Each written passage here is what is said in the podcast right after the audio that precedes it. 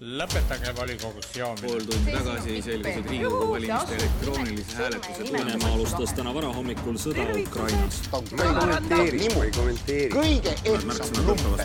tere tulemast! rahvusringhääling kahjustab Eestile mainet.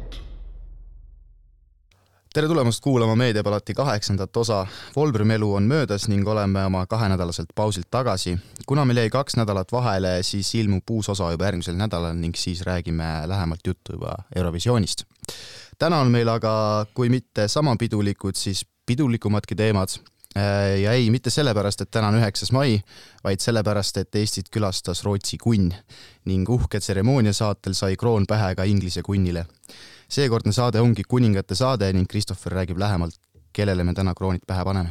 jaa, tere ka minu poolt, aga esiteks üheksas mai on küll väga oluline tähtpäev, ma soovin kõikidele kuulajatele ilusat Euroopa päeva. aga lisaks sellele on äärmiselt suur heameel tervitada saates meie häid kursavendi Marko Susi, tere! tervist! ja Joonatan Johansoni, tere ka sulle! tere! aga eks hüppamegi siis kohe esimese teema juurde kui käsitleda viimase kahe nädala suurimaid sündmusi ajakirjandusmaastikul, siis ei saa me eh, üle ega ümber Rootsi kuninga Karl kuueteistkümnenda Gustavi ja, ja kuninganna Silvia visiidist Eestisse. aga enne kui eh, meediakajastuse juurde lähme, siis äh, olekski võib-olla esimene küsimus, et milliseid nagu isiklikke meenutusi sellest perioodist kuula-, kuulajale jagada tahaksite?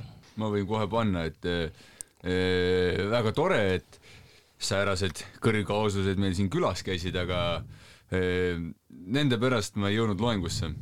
et niisugune äh, lugu oli, et äh, põhimõtteliselt tulin autoga kooli, kuna neljapäev, vaata, et lähen kohe kodumaale, Põltsamaale, sinna Liivimaa pealinna ehk teate, noh. ja ei saanud, kuna just äh, härra, härra Kunn oli siin, ma ei tea, mis ta tegi siin Riigikohtus või mis siin lossihoone kõrval on ja oligi niisugune tela, et ma ei saanudki sisse, noh pidin ootama seal viisteist minutit ja muidu oleks jäänud kümme minutit loengusse hiljaks, siis ma mõtlesin, et äh, pool tundi on juba liiga palju, ma ei läinudki. ehk siis sinu haridus tegelikult kannatas selle pärast, et Rootsi kunn käis meil visiidil? jah, sa saad väga õigesti aru, et nagu täpselt see mõte mul oligi praegu. Nojah, ja iroonilisel kombel pani siis äh, kuninga visiit justkui äh, alguse Tartu Ülikooli neljasaja, neljasajanda sünnipäeva pidustusele, aga Marko puhul see vist nii ei olnud. jah päevad ja aastad ei ole vennad ja mida iganes. no minule jäi silma sihuke väike tähelepanek, et äh, kui nad sõitsid, on ju, rongiga Tartusse mm, -hmm. siis rongis istudes Sirje Karis istus akna all, aga aga rootslane pidi siis istuma vahekäigu poole, et kui mina oleks olnud Kroonika ajakirjanik, siis ma oleks sellest loo kirjutanud. Ja, ja, ja. Tegelikult mulle isegi tuli üllatusena ja, ja, meeldis see, et äh, kui Tallinnasse tuldi vist K-bussiga ja siis äh, Tartusse mindi rongiga, et see oli päris huvitav vaatamine, et ma poleks arvanud, et, tõesti mõni äh, kuningas meil hakkab siin ühistranspordiga ringi sõitma, aga sellega näitab, et meie ühistransport järelikult on suurepärasel tasemel vaheküsimus, kas nad sõitsid ikka esimeses klassis või? ja nad olid esimeses klassis ja neil olid lilled pandud prügikasti. Nad need prügikastid, mis seal laua peal on, sinna olid lilled pandud nagu prügikasti sisse või? ma ise ei pannud tähelegi seda detaili. tead, ega ma nii detailselt ei näinud, aga sellesama koha peal. siis see oleks olnud päris huvitav, äh, huvitav selline demonstratsioon, kui need lilled on, oleks prügikasti pannud no,. No, aga no Rootsi kunn ei teadnud, et see prügikast on. noh, seda küll, seda küll, need on meie lillepeenad. miks te seda kõige tähtsamat küsimust ei küsi, et miks Koobus, miks mitte Lux Express või midagi? nagu kõrgklassi bussiga võiks ikkagi sõita, ma arvan ma olen selles mõttes jaa, väga huvitav tähelepanek, et, et kui me siin tavaliselt eestlased pigem sõidavad ilmselt Lux Expressi kui, kui Go-bussiga, et et siis miks just valiti Go-buss, aga noh, ei tea, võib-olla on Go-bussil mingid sidemed Rootsiga või midagi taolist, aga kuna meie formaat näeb seda ette, siis võiksimegi veidi seda visiiti analüüsida ka äh, ajakirjanduslikus võtmes äh,. ajakirjanikud kajastasid visiiti tublisti, igast sammust ja külaskäigust kirjutati, kuid ilmus ka veidi teistsuguseid ja, ja huvitavaid artikleid. no näiteks äh, Postimehe ajakirjanik Betty-Ester Väljaots kirjutas väga huvitava reportaaži kuningapaari visiidist. seda oli puhtalt huvitav lugeda sellepärast, sest oli tunda niisugust teatavat iroonilist elementi selles loos, ehk siis ajakirjanikul on, mis mulle isiklikult väga meeldib, on see, et tal on mingisugune oma stiil, millest ta kirjutab ja see rep reportaaž sõi väga hästi selle stiili välja, aga muidugi oli ka teisi lugusid, mis teistest eristusid. nii ma annakski sõna tegelikult teile. ma isiklikult jälgisin seda visiiti rohkem äh, telekast, aga ka siis äh, raadio vahendusel, sest ma tegin tööd samal ajal õues. noh, ma ei tea, ma ei oskagi midagi öelda selles mõttes, et äh, see nagu visiit ise jättis väga sooja mulje ja minu meelest äh, seda suudeti nagu väga hästi edasi anda, et sihuke mm, ma arvan, et kui mõni teine riigipea oleks tulnud, siis ei oleks nii niisugust kodust tunnet olnud, et väga niisugune kodune ja soe tunne oli kuulata-vaadata Äh, ja ma ise nagu tundsin ka kuidagi seda, et no Rootsi kuningas ja et just noh, sellepärast, et Eesti suured pikad sidemed Rootsiga ulatudes teise maailmasõjani ja ja, ja Nõukogude ajani välja, et äh, sihuke soe ja tore tunne, et üle kolmekümne aasta Rootsi kuningas käis jälle külas. jah, ega ma midagi tarka siin juurde ei oskagi lisada, et äärmiselt tore tunne, et ka tähtsad inimesed Maarjamaad väisavad ma vaatasin seda Reporteri seda äh, kajastust ka, nad tegid niimoodi, et kahel õhtul siis järjest äh, tegid niisuguse suurema loo sinna saate lõppu mm. -hmm. ja nemad keskendusid siis äh, turvameeskonnale ja turvameeskonna tööle ja minu meelest see oli huvitav vaatamine. et äh, täiesti teistmoodi lähenemine erinevalt teistest nagu kajastustest.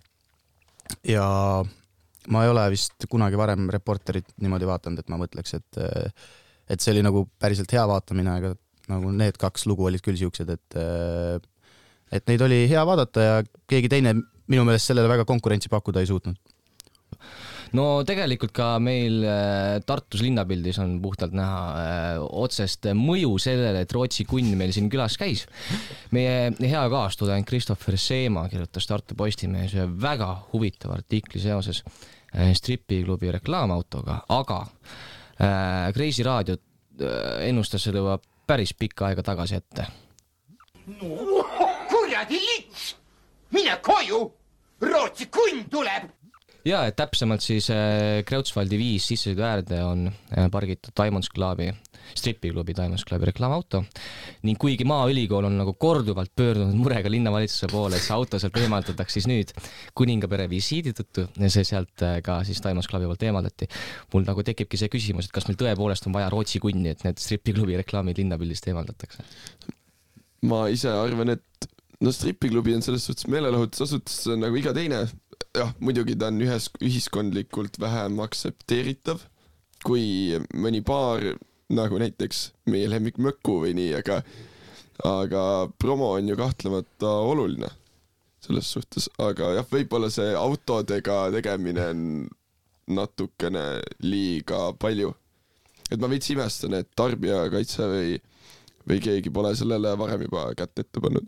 aga nagu öeldakse, siis kõik, mis ei ole keelatud, on lubatud, seega ülihästi panid, ma arvan, oma reklaamivärgiga ei, eks ta nii ongi, et seal oli kindlasti veel see probleem, et see auto mingil määral takistas äh, liikluses seda vaatevälja, et seal tuli ka see aspekt sisse. aga muidu jah ma.... huvitav aspekt lihtsalt, et kas kas, kas see tuleb nagu kuidagi eestlaste enesehinnangust, et, et üks auto võib mõjutada äh, Rootsi kuninga arvamust Eesti riigist, et et äkki me oleme ikka veel mingisugune metsik lääs ja mingi pöörased üheksakümnendad, me peame nagu avalikust ruumist kõik siuksed asjad ära koristama või või kas see on normaalne, et meil ongi nagu, me näitame oma igapäevaelu nii, nagu see on mm. -hmm. et see, minu meelest see on, natuke näitab niisugust nagu ebakindlust võib-olla, aga noh, ega me ei tea neid detaile, miks see täpselt ära koristati. seda küll ja need kõik puhtalt need äh, pöörased üheksakümnendad ja, ja need ajad, et tegelikult siin Üpsilon kirjutas nagu äärmiselt äh, huvitava ja tegelikult vääris humoorika Äh, loo äh, suhtekorralduslikust möödalasust, aga kas keegi soovib seda kuidagi lähemalt kommenteerida või, või jätame selle üllatuse pigem lugeja, äh, kuulajatele? see Üpsiloni see yeah., ma arvan, et see oleks just nagu just selle, sellepärast oleks pidanud selle Diamonds Clubi auto sinna alles jätma. jah, täpselt nii. aga kallis kuulaja, mine loe ise. tervitame siin Rootsi kuningapaari taaskord, oli tore, et tulite ja veel tore oli tore, et tulite ja, ja, ja tulge jälle. tulge jälle muidugi meie piirid on teile avat-, alati avatud. ja reklaamige seda ilusat podcast'i ka oma kodumaal, me teame, et te kuulate mm. -hmm. seega parem oleks. Noh. meediapalat. räägime siis äh, natuke kaugemast maast, kui seda on äh, Rootsimaa, räägime Inglisemaast Äh, nimelt seal toimus siis ütleme viimase viiekümne aasta, õigemini seitsmekümne aasta kõige suurem sündmus. Äh, krooniti taas üks valitseja, siis sedapuhku oli tegu äh, meessoost valitsejaga, keda nimetatakse kuningaks ja seda kanti tegelikult üle maailma igal pool äh, teleülekannetes, raadioülekannetes ja miljonid inimesed vaatasid seda meedia vahendusel, kümned tuhanded olid kogunenud äh, sinna äh, palee ette. ma küsikski, et äh, kui palju teie seda jälgisite? tead, ma seda ülekannet niimoodi täispildis ei vaadanud. küll aga no muidugi uudiseid ja, ja, ja tore ikkagi näha, et sihuke ajalooline sündmus meie eluajal nüüd nähtud on, sest eelmine oli ju äh, Puhakuda rahus, Elizabeth teine äh,, ta oli ikkagi väga pikalt, seitsekümmend aastat, kui ma ei eksi mm,. et kõigil inimestel ei pruugi olla seda võimalust sellist asja oma elueal näha ma isiklikult öö, otseselt seda kroonimist ei vaadanud, aga öö, vaatasin vutti ja Inglismaa Premier League'is oli Liverpooli mäng samal ajal ja noh, kes natuke teab seda asja, siis Liverpooli linnal üleüldiselt ja Liverpooli, Liverpooli rahval ei ole kuigi head suhted riigivõimuga. ja siis ka enne mängu mängiti hümni sellisel samal päeval, kuues mai ja fännid lihtsalt vilistasid selle välja ja karjusid Liverpool selle peale. et mm -hmm. seal on pikem ajalugu, aga. no mis, mis see põhjus on siis? no seal on, üks osa on sellest, et et noh, siiamaani vihkavad Margaret Thatcherit, sest et nende meelest ta üritas nagu seda linna välja suretada. noh, tööstuslinn ja värki-särki. siis üheksakümne teisel aastal, kui ma ei eksi, oli, või mis aasta see oli, see oli, kaheksakümne üheksandal aastal, minu paha oli Hillsborough noh, katastroof siis ütleme nii, kui FA karikasarja poolfinaalis üheksakümmend seitse Liverpooli fänni surid ära, kuna staadion oli ülerahvastatud ja siis riigivõimud üritasid seda kinni mätsida, aga see tuli mingi kümme, kümme pluss aastat hiljem välja. et ei, see match imine väga hästi ei, ei vedanud, ütleme nii see on ka minu arust päris huvitav point, et, äh, et ligi noh, rohkem kui kolmkümmend aastat tagasi siis ka aja, ajakirjanduslikust perspektiivist äh, sihuke kinnimätsimine nii suures ja mõjuvõimsas riigis, see kõlab rohkem nagu äh, mõni idapoolne riik.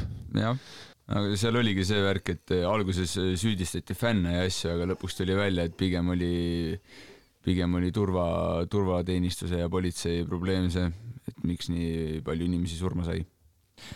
ühesõnaga siuke jalgpalli fännibaasi konflikt nagu vali-, või noh, ütleme valitseva valitsusega. osaliselt, osaliselt lihtsalt, et kogu linna pealt no tegelikult praegu äh, selle kroonimise ajal äh, Ühendkuningriikides on neid meeleavaldusi tohutult palju võrreldes äh, eelnevate aastakümnetega. et, et ma uurisin veidi, et kui palju huvitav läheb üldse kuninga pere ülalhoidmine maksma Briti maksumaksjale. aastatel kaks tuhat kakskümmend üks kuni kaks tuhat kakskümmend kaks on see sada koma, sada kaks koma neli miljonit naela ehk ligi sada kaheksateist miljonit eurot. kas kõik kodanikud selle, sellise suure summaga rahul on, no ilmselgelt mitte ja no Liverpoolis oli laiema, laiemalt vaadates ka see probleem, et seal on jube paljud inimesed toidupankade järjekorras ja siis samal ajal Londonis, pealinnas, lihtsalt kulutatakse seda raha põletatakse põhimõtteliselt. no tegelikult seal kroonimise käigus äh, oli ju ka meeleavaldused täitsa seal rahvamassi lähedal, seal kõrval. ja isegi niimoodi, et kui kuningas oma tõllaga mööda sõitis, siis ta sealt äh, tõlla aknast nagu nägi seda ja siis nendega tehti intervjuu ka ja nende põhiline etteheide oligi see, et, et praegu on nagu majanduslikult väga rasked ajad, et miks on vaja niisugust suurt show'd ja pidu teha ja raha kulutada. aga tegelikult äh, Charles ise ju ka ütles, et, äh, et tehke mulle tagasihoidlik kroonimine mm. -hmm. et, et, et see oligi tegelikult tunduvalt tagasihoidlikum kui Elizabeth teise kroonimine, kus oli äh, kui ma nüüd ei eksi, umbes kuusteist tuhat sõdurit, et seekord oli neli tuhat näiteks, et eh, noh, niisugused mastaabid olid oluliselt väiksemad ja kogu see üritus ise, tseremoonia, see oli nagu ajaliselt palju lühem. aga mis te arvate, kas nagu niisugust suurt show'd üldse on nagu tänapäeval nagu vaja või mis rolli see nagu üldse täidab mm,? sa mõtled siin praegu just seda, et üle kantakse niimoodi ja no pigem üldse kroonimist vist. kroonimisega on see, et vaata, meil on nagu, me vaatame teisest perspektiivist kui nagu kohalikud, aga, aga ma mõtlen just seda show'd ja kõike seda ka, et ja noh, meediakajastust selle hulgas mm,. siin minu arust tuleb veits vahele see, et kas monarhia on äh, tõeliselt iganenud riigivorm, mida ma arvan, et on aga kui siiski riigis on äh, on monarhia, siis äh, see ikkagi võiks olla pidulik minu arvates, see on selline tegelikult ilus asi, et sa ikkagi kuningas ja ülistatakse ja sihuke nagu vägev ja suursugune asi. et kui teha, siis juba suurelt ja noh, see on nagu, nagu hetkel üks kord seitsmekümne aasta jooksul, aga no loodetavasti mitte kohe. koputan kolm korda puu peal, aga, aga ilmselt me näeme ühte veel, kui mitte kahte oma eluea jooksul, et eks näis. no siin me saamegi rääkida tegelikult sellest monarhia moderniseerimisest, et, et see monarhia, mis oli siin äh, mitu, mitusada aastat tagasi, see pole enam see, mis praegu on. et tegelikult äh, see kuningapere nii-öelda, ta kannab endas ikkagi mingisugust ühiskondlikku kultuurilist väärtust. Nad ei ole enam puhtalt äh, riigivalitsejad, no kui palju seda valitsemist üldse on, on ju, see on kaheldav, eks ju. et ja tihtipeale on see kuningapere, nende tegevused kõik seotud tegelikult tugevalt brittide identiteediga ja, ja see on nagu nii-öelda oluline tugipunkt, millele siis need kodanikud saavad, saavad toetada, et aga viimasel ajal paraku on jäänud nagu see mulje, et kuningapere puhul võib ehk nagu võrdlusmärgi veits tuua popikoonidega. Mm, -hmm. et, et, et sihuke jah, täpselt nagu ma ütlesin, reaalne riigijuhtimine on küsitav, et pole kas üldse või väga vähesel määral. Aga noh, sellegipoolest ei tasu unustada monarhide olulist rolli rahvusvahelises poliitikas, mida näitas näiteks Rootsi kuninga visiit meile et äh, seal on mingid omad asjad, mida kaaluda, aga ongi see monarhia moderniseerimine, mida nüüd ka tegelikult Briti äh, kuningaperet oodatakse, et neid kulusid äh, vähendataks ja, ja et seda rolli natuke vähemaks võtta, aga samas, et jääks selline kultuuriline väärtus sellele juurde veel aga teie arvamus sellest, et nüüd ETV seda niimoodi üle kandis, et ma ei mäleta, kui pikk see ülekanne oli, aga tunde, et neli ja pool tundi. kas see, kas selline formaat on vajalik meie vaatajale? Kindlasti. no rahva huvi on ikkagi selge, isegi kui, kui meist noh, neljast inimesest kolm seda jälgisid, vaatasid, siis juba see näitab, et tegelikult nagu rahva, rahvast kotib, noh. ja ma ütlen ka, et nagu seesama popikoonide paralleel, et äh, nii nagu kantakse üle jalgpalli MM-i issand, Marko, paranda mind, aga kuuskümmend neli mängu on äkki jalgpalli MM-il või midagi sellist? võimalik, ma Võimalik ei ole matemaatikasse nii väga läinud või on isegi rohkem üks, aga no täpselt sama, et kui sa kannad ka jalgpalli MM-i üle äh, Rahvusringhäälingu kanalitel, siis äh, miks mitte kuninga kroonimist. et äh, samamoodi nagu on jalgpallifännid, on ka kuninga perefännid ja, ja ajakirjanikud, kes, kes spetsialiseeruvad tegelikult sellele, et seda Briti monarhiat ju kajastada. kas, minu, minu lihtsalt küsimus oli see, et kas seda ülekannet peab tegema ETV, et äh, mul on niisugune tunne, et ETV nagu krabab ära kõik, kõik niisugused suuremad üritused ja teeb nendest ise nagu otseülekandeid, et võib-olla oleks võinud jätta nagu selle tegemise näiteks Kanal kahele või TV3-le, et mis väärtust pakkus ERR, mida need erakanalid ei suuda pakkuda siis? seda, et reklaami ei lööda vahele, näiteks spordivõistluste juures, kui kui olümpiamänge näitas Kanal kaks ja Kanal kaksteist ja no üldse see Postimees Grupp, see oli rahvakeeli täielik tsirkus, noh neid reklaame oli nii palju vahel ja no mingi suusatamises olidki olulised kohad jäid eh, nägemata, sellepärast et sellepärast võiks juba ERR näidata, et teevad head asja, neil ei ole vaja reklaame panna iga viie minuti tagant vahele ja elame elu, noh. ja no, no ilmselgelt kõik saavad seda näha, selles suhtes, et on ju kindlasti palju inimesi, kes tegelikult ei vaata erakanaleid või noh, ma ei tea, kui palju neid on, aga neid on Eestis ikkagi. kas need on enam üldse vabalevis või? Kunagi olid, aga mingi aeg hakkasid järjest ära vajuma. kanal kaks, TV3, mitte miski ei ole, ainult ongi ETV ja, nagu kanalid vist. no mina kui maksumaksja olen sellest rahul, et ERR seda kajastab. ma ei näe, et ja, mõni erakanal suudaks äh, luua mingit lisandväärtust äh, noh, tegemist ei ole kommertsteemaga, eks ju.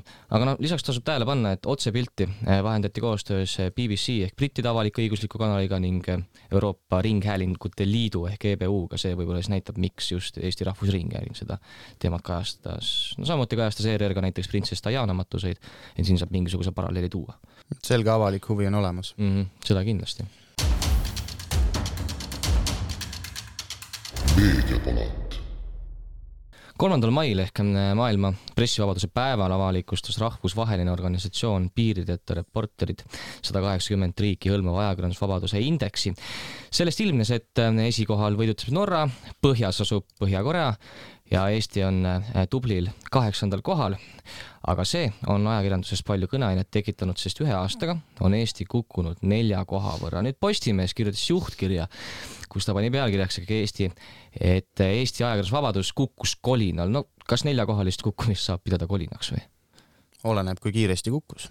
ühe aastaga. aastaga neli kohta on ikka, ma ütleks, on küll kolinal see on sama nagu sa kõnnid trepist alla ja ühe sammuga paned neli astet alla, no veits on valus no ma, no siin äh, on välja toodud need Ekspressi ajakirjanike juhtumid ja midagi oli siin veel.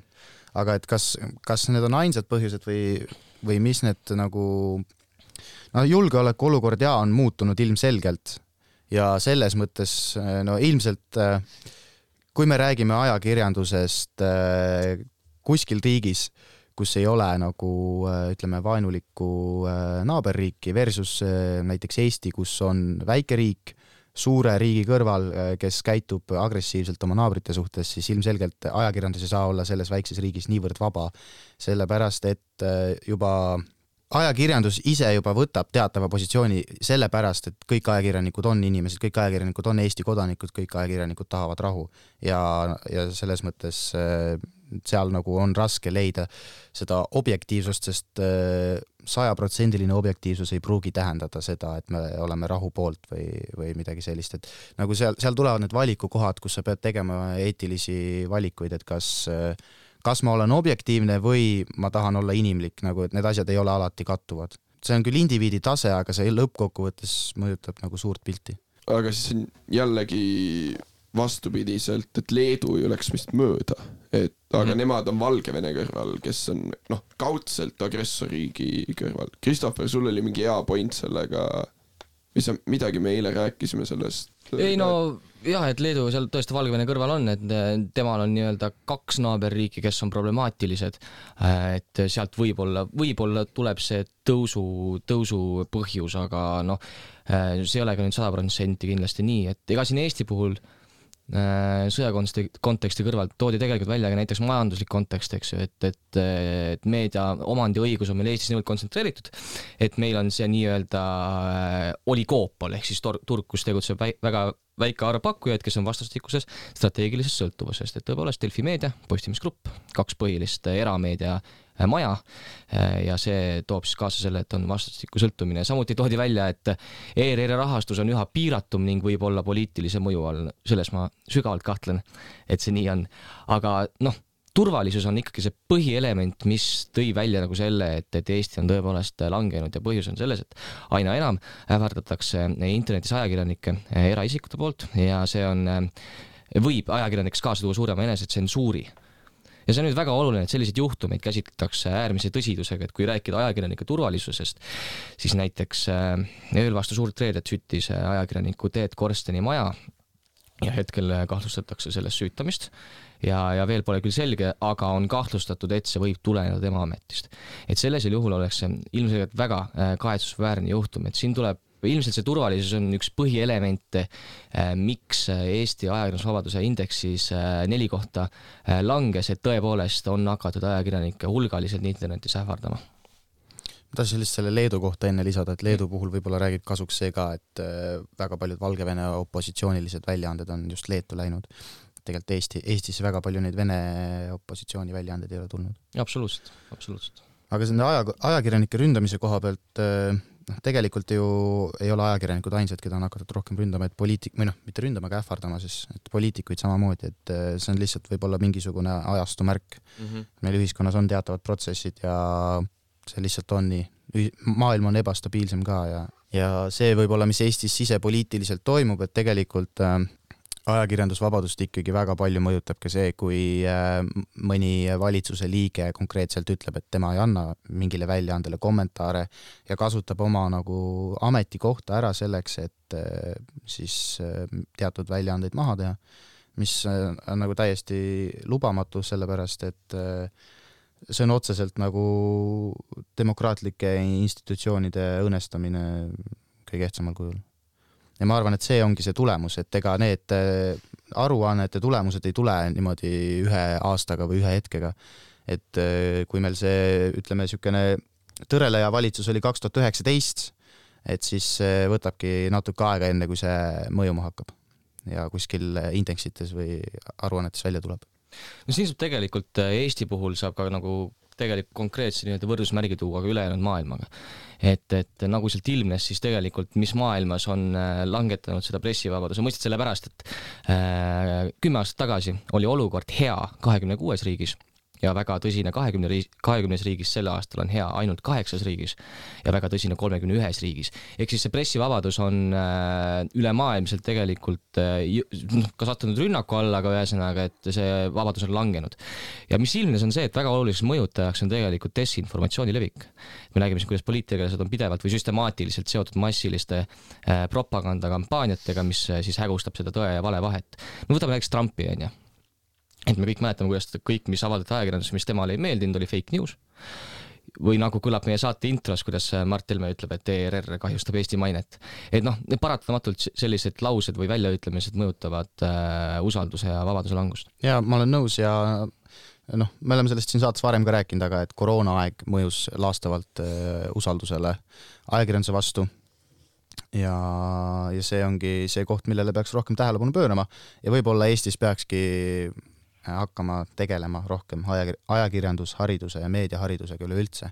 et see oleks see koht, kus me saaksime ennast äh, nii-öelda Põhjamaadega samale tasemele viia. no samuti maailmas toodi välja see, et, et meil on tegelikult praegu noh, sõjaolukorras on propaganda, või noh, propagandasõda on meil ühesõnaga, et, et infosõda, jah. infosõda, et toodigi välja, et rekordajaga tegelikult, rekordajaga suutis Moskva luua uue meediaarsenali mis noh, pühendunult levitab äh, Kremli sõnumeid Lõuna-Ukraina okupeeritud aladel näiteks, aga tegelikult ka ülejäänud maailma, mida küll noh, meil siin lääneriikides vastu, vastu väga ei võeta, aga, aga, aga neid sõnumeid ühesõnaga levitatakse ja, ja, ja massiliselt. et ja Venemaa on pressivabaduse indeksis saja kuuekümne neljandal kohal palju sul üldse kokku riike oli? sada kaheksakümmend. no päris hästi ju päris hästi, jah. head, head poisid, teevad head asja, tuleb välja, noh. Noh, paremat yeah. asja kui mõned. päris äh, jah. ja noh, see propaganda ka, et kui sa midagi piisavalt palju ütled, siis küll ikka keegi uskuma jääb. Mm. aga no siin Eestis me saame selle pressivabaduse puhul on palju kõneainet saanud see, et kas me peaksime ajakirjanikke isiklikult karistama või peaksime kar karistama meediamaja, seda ma mõtlen nüüd erinevate äh, kohtu case'ide puhul, äh, kus on tõepoolest rikutud seadust see on väga hea küsimus, sest et äh, noh, juriidilise poole pealt me ilmselt ei oska nagu adekvaatset kommentaari anda, aga kui sa mõtled selle peale, et sina oled see ajakirjanik, kes kirjutab ja eeldusel, et sa lähtud eetikakoodeksist, ehk siis sa teed nagu asja südametunnistuse mm. järgi, sa noh, ei, ei keera jama siis äh, see on minu meelest, see on ülekohtune, sest et sina oled ju vahendaja, sa ei ole otseselt sina ei ole neid tegusid toime pannud või millest sa räägid või siin Postimehe selles äh, juhtkirjas toodi välja ka see, et äh, et uudiste siis ettelugeja või et vahendaja mm, -hmm. et tema oleks justkui vastutav nende sõnade eest, aga tegelikult ju kogu toimetus on selle äh, teksti taga, mida eetrisse lastakse ja kogu toimetus vastutab ühiselt selle eest, sest see on terviklik kollektiiv. ja ja nagu ajakirjanikke niimoodi ükshaaval kohtusse kaevata, ma olen täiesti nõus sellega, et see lõpeb enesetsensuuri ja ajakirjandusvabaduse nagu langemisega. sest kui mina oleks ajakirjanik ja mind kaevataks kohtusse selle eest, et ma kajastan kellegi mingisugust korruptiivset käitumist või midagi, noh, kahtlustust selles osas, siis ma järgmine kord ikka väga sügavalt mõtleks, kas ma tahan seda teha, sest et okei okay,, ma ei pruugi seal kaotada, aga närvikulu ja see ajakulu ja rahakulu, mis seal kõik on, see ei ole seda väärt lihtsalt. No see enesetsensuur on minu meelest ka spordiajakirjanduses suht ilmne, sest kui see Karpini ja Vassiljevi need noh, Venemaa jalkakoondise peatreener pani koos sööki ja värki-särki Eesti jalgpallilegendidega, ütleme nii siis. Ja olid enamik vene päritolu. jah, ja mitte kuskil ei olnud ajakirjanduses seda mingit noh, oleks võinud nagu küsida otse Vassiljevilt näiteks, et mis värk on, et nagu räägi ausalt, no aga keegi nagu ei küsinud seda, et kõik ketrasid ühte ja sama plaati. et aa, see ei ole okei okay,, see ei ole okei okay,, aga nagu kuule, mingi kümme venda ütles juba seda, et see ei ole okei okay,, nagu tee midagi põnevat. Et jah, see ajakirjanike isiklik vastutus, et Martin, sa tõid selle noh, väga hästi välja selle tegelikult, et ajakirjanik võib-olla ei peaks nagu kõike nagu isiklikult vastutama. aga noh, paraku näitab meile noh, kas nüüd ajalugu, aga viimased äh, aastad, kaks tuhat üheksateist pidi ühe kohtukeisi puhul äh, ajakirjanik vigade eest maksma viissada eurot, eelmisel aastal juba oli see summa kümme tuhat eurot, kui, mida nõudis kohus ajakirjanikult isiklikult välja. et, et kui me räägime, võtame näiteks selle äh, Velleri ja, ja Vahtri on ju selle Swedbanki rahapesuskandaali juhtumi, mida nad kajastasid, siis äh, noh, juriidiliselt on, eks ju, kriminaalmenetluse seaduslik paragrahv kakssada neliteist lõige kolm ütleb seda, et prokuratuuri taotlusel võib trahvida menetlusvälist isikut ehk seadustik äh, siis ühesõnaga võimaldab ajakirjanikke trahvida, aga väga oluline on see, et prokuratuur peab nagu suutma veenvalt, veenvalt põhjendada, miks äh, võiks artikli avaldamine äh, raskendada kuriteo avastamist ja või noh, menetlust kahjustada nagu ilmnes Riigikohtu otsusest, siis trahvi määramine polnud selle kaasuse põhjal põhjendatud ja siit ongi nagu selle, see juhtum tõigi väga selgelt ajakirjanduses esile selle pressivabaduse ja, ja ajakirjanike kaitse äh, diskussiooni. et no mida toob kaasa tegelikult ajakirjanike suuremahuline trahvimine, meil oleks tõenäoliselt väga palju rohkem moeajakirjanikke, kultuuriajakirjanikke, sest keegi täpselt ei julgeks kajastada enam väga spordiajakirjanikke äh,. noh, spordiajakirjanikke on ju, kas jah, et, et enam võib-olla ei julgeta kajastada siukseid poliitilisi teemasid, mis toob äh, ajakirjanike kohale nii-öelda selle suure suure probleemipilve. Äh, et, et seetõttu on võib-olla tõesti äh, oluline, et seda diskussiooni minu arvates võiks praegu meedias natuke rohkem olla. see küll on olnud äh, päevakajaline, aga seda diskussiooni natuke vähe, et võiks natuke rohkem sellest rääkida ja noh, eks see meediavabaduse indeks ühesõnaga tuli ka alles, alles nüüd, et et see ilmselt võtab aega, kuniks see korralikult jõutakse ajakirjanduse poolt läbi mäluda. no lõppude lõpuks ikkagi meediamaja ju ise selle ajakirjaniku tööle võtnud sinna et äh, kui sa tahad, kui kuidagi tahad karistada seda ja meediamaja karistatakse, siis meediamaja karistagu ise seda ajakirjanikku mis tahes, kuidas. et pangu ta tööpausile või, või lasku ta lahti kas või mis iganes, kui ta tõesti teeb midagi väga-väga sellist, mis ei ole sobilik.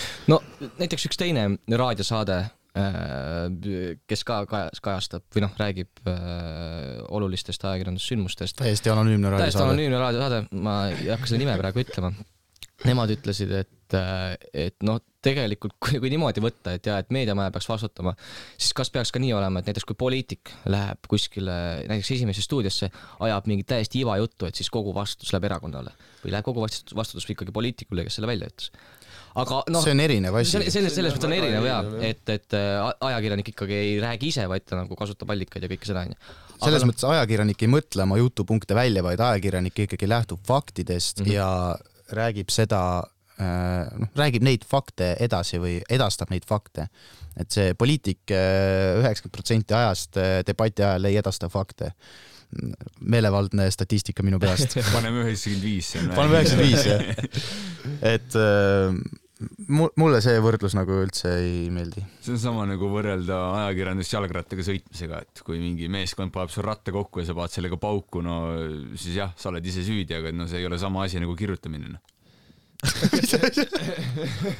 ma võin selle lahti selgitada. nagu kümme matsi ehitavad vaata jalgratta onju, eks ole onju. ja nüüd mina lähen sõitma sellega ja ma sõidan vastu puud noh, selle loogika järgi justkui võiks ainult äh, mind süüdistada ja on ka loogiline, sest et see on jalgrattaga sõitmine. see, seal ei ole faktidega mitte midagi pistmist, seal on lihtsalt jalgrattaga sõitmine, väntad, väntad, väntad, kuradi lenksuga roolid ja kõmm, vaata aga ma ei tea, mida ma räägin. see on hea, see on hea. see on, hea point tegelikult. suurepärane. Jah, et kui lenks ikka valele poole keerab, siis on ikka meeskond ka natuke süüdi, kes selle ratta kokku pani. jah, siis, siis on, noh, ongi, kui lenks keerab valele poole, siis on vaata, noh, ajakirjandus. aga kui lenks keerab õigele poole, siis on äh, poliitik nüüd tuli jälle mingi, nüüd tuli mina sain lõpuks väga hästi aru sellest äh,, kallis kuulaja. mul tuli viimase lausega mingi uus tase, millest ma midagi aru ei saa nagu. kallis kuulaja, kuidas seda saadet hetkel kuulad, palun keri viis korda tagasi. ja kuula uuesti üle. ja kuula uuesti üle. ja mõtle ja iga kord ava see link uuesti, too meile kuulajaid juurde, aitäh. ma tahtsin lihtsalt seda, seda veel öelda selle sinu tõsise jutu lõppu, et äh, kui sa oled äh, kõrgel ametikohal, nagu see Swedbanki juhtumi puhul on, siis äh, sa pead, nagu su eeldus on juba see, et sinust äh, kirjutatakse. Ja kui seal on kahtlustus, siis ka kahtlustusest on okei okay kirjutada, see ei tähenda seda, et keegi sind otseselt äh, süüdistab, see on kahtlustus. Ja kahtlustada asju või kriitiliselt äh, mõelda on, no see peab olema lubatud, et see noh, see, see, et me keelame ära nagu üldse nagu kahtlustustest või kriitiliselt kirjutamise, see ei ole ju nagu kuhu me siis välja jõuame? see, nagu? see on tegelikult natuke teine asi, et seal ikkagi prokuratuur esitas selle, selle nii-öelda süüdistuse ajakirjanikele selles mõttes, et, et see võis kahjustada seda äh, menetluse käiku, aga prokuratuur suutub piisavalt hästi põhjendada, miks see oleks seda äh, kahjustanud või kuidas see kahjustas, et seetõttu seda trahvi ei määratud. et noh, Swedbank ise nagu selles suhtes mingit süüdistust ajakirjanikele ei esitanud. okei okay Äh, Martini pointile lisaks lihtsalt öeldes, et kui tõesti sa ei kajasta enam selliseid äh, kahtlustusi või juhtumeid, siis ju kaob ära kogu ajakirjanduse mm -hmm. see võimulik äh, staatus ja ajakirjandus ei ole lihtsalt sel juhul enam neljas võim, nagu ilmselt seda muret meil ei ole nüüd, et, et, et, et nüüd keegi ütleb, et jah, nüüd ja. ei tohigi, onju, et, et, et pigem on jah, see, see mure praegu tekkinud selle Vedleri ja Vahtri, Vahtri kohtu case'i puhul, et, et prokuratuur, prokuratuur on teinud siin natukene ämbrisse astumist, et mhm. tegelikult ta peaks natuke paremini põhjendama oma otsuseid, et see, nagu oli seal seaduses kirjas, et trahvida võib. Et see on nagu see võib on väga oluline sõna seal seaduses, et, et seal nagu on see nii-öelda mõtlemisruum, et kas ja kuidas ja kui palju peaks trahvima et, et see ikkagi peab, see ajakirjanduses avaldatud artikkel peab ikka nagu tunduvalt äh, kahjustama selle menetluse käiku. aga mis on tunduvalt üldse? no seda otsustab juba kohus, et seda noh. see võib on ka väga huvitav sõna yeah., see on nagu kas peab või ei pea. see ongi see kaalutluskoht, seaduses peavad ka olema mingid kohad, kus on kaalutluskoht, et kas sa no see ongi see, sellepärast on see võib selle ühesõnaga, et, et saaks otsustada selle üle, kas see kahjustas, kui palju see kahjustas ja selle arvelt siis määrata, kas trahv mm -hmm. määrata ja kui suur, kui suures summas see trahv määrata. aga noh, diskussioon on tegelikult ühesõnaga pigem see, et kas see trahv suunata ainult ajakirjanikele või, või, või me, ainult meediamajale või mõlemale, et noh, see on see diskussiooni koht, mis on, mis on tekkinud. meediapalat meie üks külalistest on juba äh, kogenud äh, ajakirjanik okei.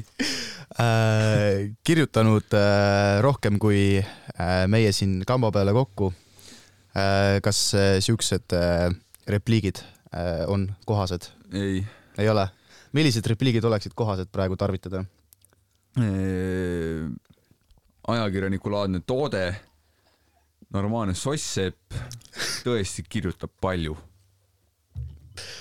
räägime siis äh, sellest, äh, et äh, mida sa Soccernetis täpselt teed? kirjutan ja kommenteerin jalgpalli ja. meeldib. jaa, aga kui me nüüd sügavamale lähme, siis noh, mitu erinevat tegevust on seal, et üks asi on nagu valve toimetamine, eks ole, kus hoiad silmad-kõrvad lahti, vaatad, mis laias maailmas toimub või Eestis ja toimetad need asjad artikliteks, uudisteks ja siis on hea olla, siis rahvas naudib. aga vahepeal, kui aega kooli kõrvalt rohkem üle jääb, siis saab teha neid põhjalikemaid või põhjalikumaid, põhjalikke artikleid mm. -hmm kas võtadki mingi, mingi teema ette, siis saab nagu vähe loomingulisemalt läheneda. tegin eh, talvel, kuud täpselt ei mäleta, aga kirjutasin Dele Allist, kes on äh, jalgpallur. nüüd on juba suhteliselt äh, mitte jalgpallur. kirjutasin temast äh, nagu mingi persooniloo laadse asja, aga äh, aga no kirjutasingi lihtsalt läbi internetiallikate, et nagu mis ta teeb ja milline tema ajalugu oli ja minevik ja mis ta nüüd olevikus on ja ja siukest asja, et see oli nagu lõbus. ja kõige lõbusam on muidugi jalgpalli kommenteerimine, saab jutustada lihtsalt. ja nagu sulle endale meeldib öelda, siis toota toota, muidugi. toodang on alati, toodang on, üks tark mees kunagi ütles, et toodang on eh, elu ema. ma ei tea, kes see tark mees oli, aga. oota, kui suur üldse Sokkerneti auditoorium on või, või kes see lugejaskond on seal? auditooriumi suurust ma ei oska sulle täpselt öelda, aga lugejaskond on no, jalgpallifänn Soccernet näiteks, kui korvpallis on äh, basket.ee ei mitte basket.ee vaid Korvpall- korvpall kakskümmend neli äh, punkt ee siis äh, see on tasuline. Aga Soccernet on näiteks täiesti tasuta leht mida jälgida. Ja see on tõesti hea. Ja ma arvan, et seal osaline, miks see tasuta on, ma ei tea, kuidas selle korvpalli kakskümmend neljaga on, aga Soccerneti rahastab osaliselt Jalkaliit, et äh, ilmselt korvpalliliit siis ei rahasta korvpalli kakskümmend nelja, ma arvan. tõenäoliselt mitte või siis nad on lihtsalt ahned. kõik on võimalik, see on sport. aga kuidas sa sinna tööle sattusid, nagu ma saan aru, et sa läksid sinna juba enne, kui sa ülikooli õppima tulid? jaa, see oligi nii, et kodukohas siuke lahe asi nagu Põltsamaa raadio, shout out Põltsamaa raadio, kui siin juba reklaamimiseks läheb, selle peatoimetaja Eiva Nõmme, kes on ka eh, selle eriala vilistlane, küsis mult, et oo oh,, sulle meeldib jalgpall? ma ütlesin, jaa, mulle meeldib jalgpall. siis ta ütles, et haa, kas ma äh,, kas sa, kas sa tahad äh, äkki Soccerneti kirjutada, kirjutama minna, et äh, saan uurida peatoimetajalt, et äkki saad proovitööd teha ja siis oleneb kõik sinust ma ütlesin jah ja siis hakkasin räigelt pabistama, sest ma nagu sel hetkel ma arvasin, ma ei oska üldse kirjutada. ma ei olnud veel nagu siia sisse saanud. ja siis ma olin veits paanikas ja lõpuks tegin proovitöö ära ja öeldi, et jaa, tule. Ja edasi läks juba sujuvalt või? jah, ei algus oli ikka normaalne kuradi, jah, normaalne võimlemine noh. no mis kõige raskem on siis? tõenäoliselt see programm ise või nagu süsteem, kus kirjutatakse, see on suht segane. no ongi, ma ei tea, mingi teatud, no mingi uudiste kirjutamine näiteks nagu uudisžanri põhjal, sest et seda oli suht keeruline teha, sest ma ei teadnud enne täpselt, kuidas see käib, nii et ma lihtsalt imiteerisin teiste pealt, võtsin mingi teiste põhja põhimõtteliselt ja nagu selle pealt vaatasin, et okei okay,, ta teeb nii, ma teen ka. ja nii, nii, nii see läks, nüüd ma julgen öelda, et ma saan ise ka veits aru no kas sa tunned, et see nagu, me ülikoolis õppides oleme ka seda uudise ülesehitust ja kõike seda käsitlenud, kas see on nagu aidanud äh, su erialase töö juures kaasa? kindlasti. just see lausete ehitamine, mul muidu oli siuke normaalne kantseliidi pomm, noh. et nagu suht rõve oli endal ka lugeda, kui ma nüüd loen mingi, ma ei tea, poole aasta taguseid neid, see oli suht inetu, aga nüüd tänu Marju Heima Kadaka äh, uudisealused loengule olen saanud palju paremaks, aitäh, Marju! Kusjuures kantseliidiga väga huvitav tõesti see, et minagi, kui ma olen lugenud näiteks mingeid kirjandeid, mida ma kuskil gümnaasiumis kirjutasin või põhikoolis, et siis no seda on ikka hästi palju, antud, antud see yeah., antud see, neid on nagu noh, põhimõtteliselt mm -hmm. ühes lõigus on mingi viis tükki. et, et, et kantseliit on tõesti niisugune asi, mida mina ka samamoodi olen aru saanud, et ülikoolis on see nii-öelda õnneks ära hakanud kaduma mitte veel täiesti kadunud, aga hakanud ära kaduma, aga Joonatan, sina käisid ka ükskord raadios? mina käisin ka just ükskord raadios aga äkki käin ka veel kunagi rohkem raadios. super äh,! tead, ei, ma nagu teie vist siin teate juba ja, ja nüüd kallile kuulajale ka, et mina mängin muusikat uh.. just sellist äh, põrandalusemat muusikat meeldib mulle kõige rohkem mängida ja kutsuti sellisesse saatesse nagu äh, Raw Lab mis äh, oli Raadio kahe, mis on siiamaani Raadio kahe ühtsuse vendis. ja sai seal pisut juttu teha ja muusikat mängitud. aga, aga loodetavasti ei, ei ole see viimaseks korraks raadios käia, et on hetkel mitte liiga palju avaldada, aga, aga plaan on ehk sügisest või, või võib-olla pisut hiljem alustada oma raadiosaatega koos kahe hea sõbraga mm, et hetkel ei tea veel täpselt, mis raadios, aga mõtted on üleval ja, ja tahaks sellist asja nagu teha. mina olen küll lootusärev juba. mina ka. väga armas. tahan su häält kuulda enda kõrvades. jaa aga kui me nüüd korraga tagasi kantseliidi juurde tuleme, siis noh, Delfis artikleid lugedes on kantseliit jube palju, eriti spordi, sporditoimetuse poole peal ja pidevalt leian ennast mõttelt, et eh, kas need mehed ja naised, kas nad käisid üldse koolis? kuuskümmend protsenti ajakirjanikest ei ole ajakirjanikuks õppinud. jah, Marko, nagu ma olen sulle öelnud, siis meie need lemmikud äh, Kalev Kruusid ja Tarmo Tiislerid, need pole mingit ajakirjandust õppinud. jah, Vedru ka ei ole. Vedru ka ei ole, jah. jah, ta eile käis meil loengus, päris lõbus oli. meediapalat ähm, naistekas, Delfi naistekas äh, terviserubriik see, mida sa iga päev loed. ja, ja, ja äh,. kohus keelas sadu naisi kunstlikult viljastanud mehel sperma annetamise. ja ma loen siit selle esimese lõigu, et nelikümmend ük-, neljakümne ühe aastast hollandlast Joonatani võib oodata ligi saja tuhande euro suurune rahatrahv, kui ta peaks veel spermadoonoriks minema. et äh, Joonatan, kuidas sa kommenteerid? tahtsin parimat, aga läks nii nagu alati. kas sul on nagu selle side hustle'i jaoks nagu topeltkodakondsus või siin on kirjas hollandlane? tead, mul õde kunagi elas Hollandis. Siis ma ükskord käisin ise ka. väidetavalt oli mees eksitanud sadu naisi ning on tänaseks juba viiesaja viiekümne kuni kuuesaja lapse isa.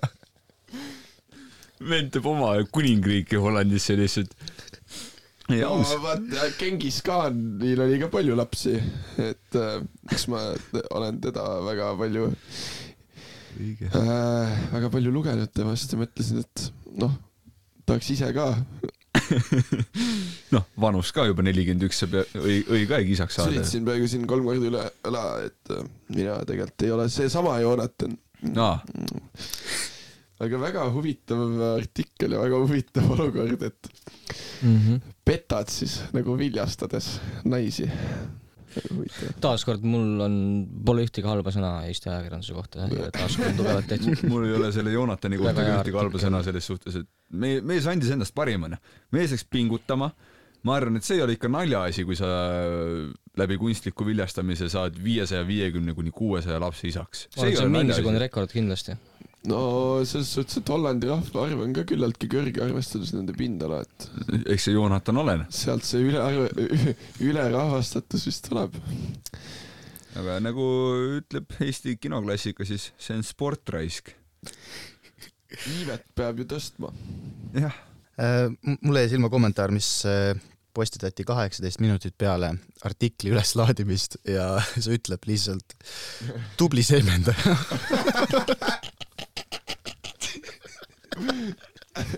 loe lõpuni. õige mees seemendab kõik naised ära. kolm punkti. ja, ja kuus reaction'i. enamuse dislike'id. ja see lihtsalt, ma tuleks nende netikommentaaride juurde tagasi, et ma, ma, ma ei tea, kas ma olen ainuke, aga mina loen vahepeal netikommentaare lihtsalt nagu meelelahutuslikus mõttes, see on minu jaoks nagu stand-up kom- äh, Jah., stand-up comedy't vaadata või midagi. kas kellelgi on veel lõpukommentaari siia mm,? ei ole, no siis ma ütlen ise, et äh, leidsin ka te teise kommentaari, mis ilmus äh, täna hommikul äh, kaks tundi tagasi, et ma iga nädal viljastan Telliskivis irv. väga huvitav nagu, et me, et me jõ- jõudsime Rootsi kuninga visiidist äh, viljastamiseni. Ja et see on, see on selle formaadi võlu nagu, et me saame rääkida kõikidel teemadel nii vabalt. aga nii palju, kui neid kuulajaid siia lõppu alles on jäänud, me südamest täname teid, meil oli lõbus, ma loodan, et teil ei olnud väga piinlik, teil oli ka lõbus ja stuudios olid äh, Marko Susi, Christopher Muraveski ja Joonatan Johanson ja mina, Martin-Erik Maripuu. ja kuuleme juba peatselt. Kuulmiseni. nägemist. nägemist.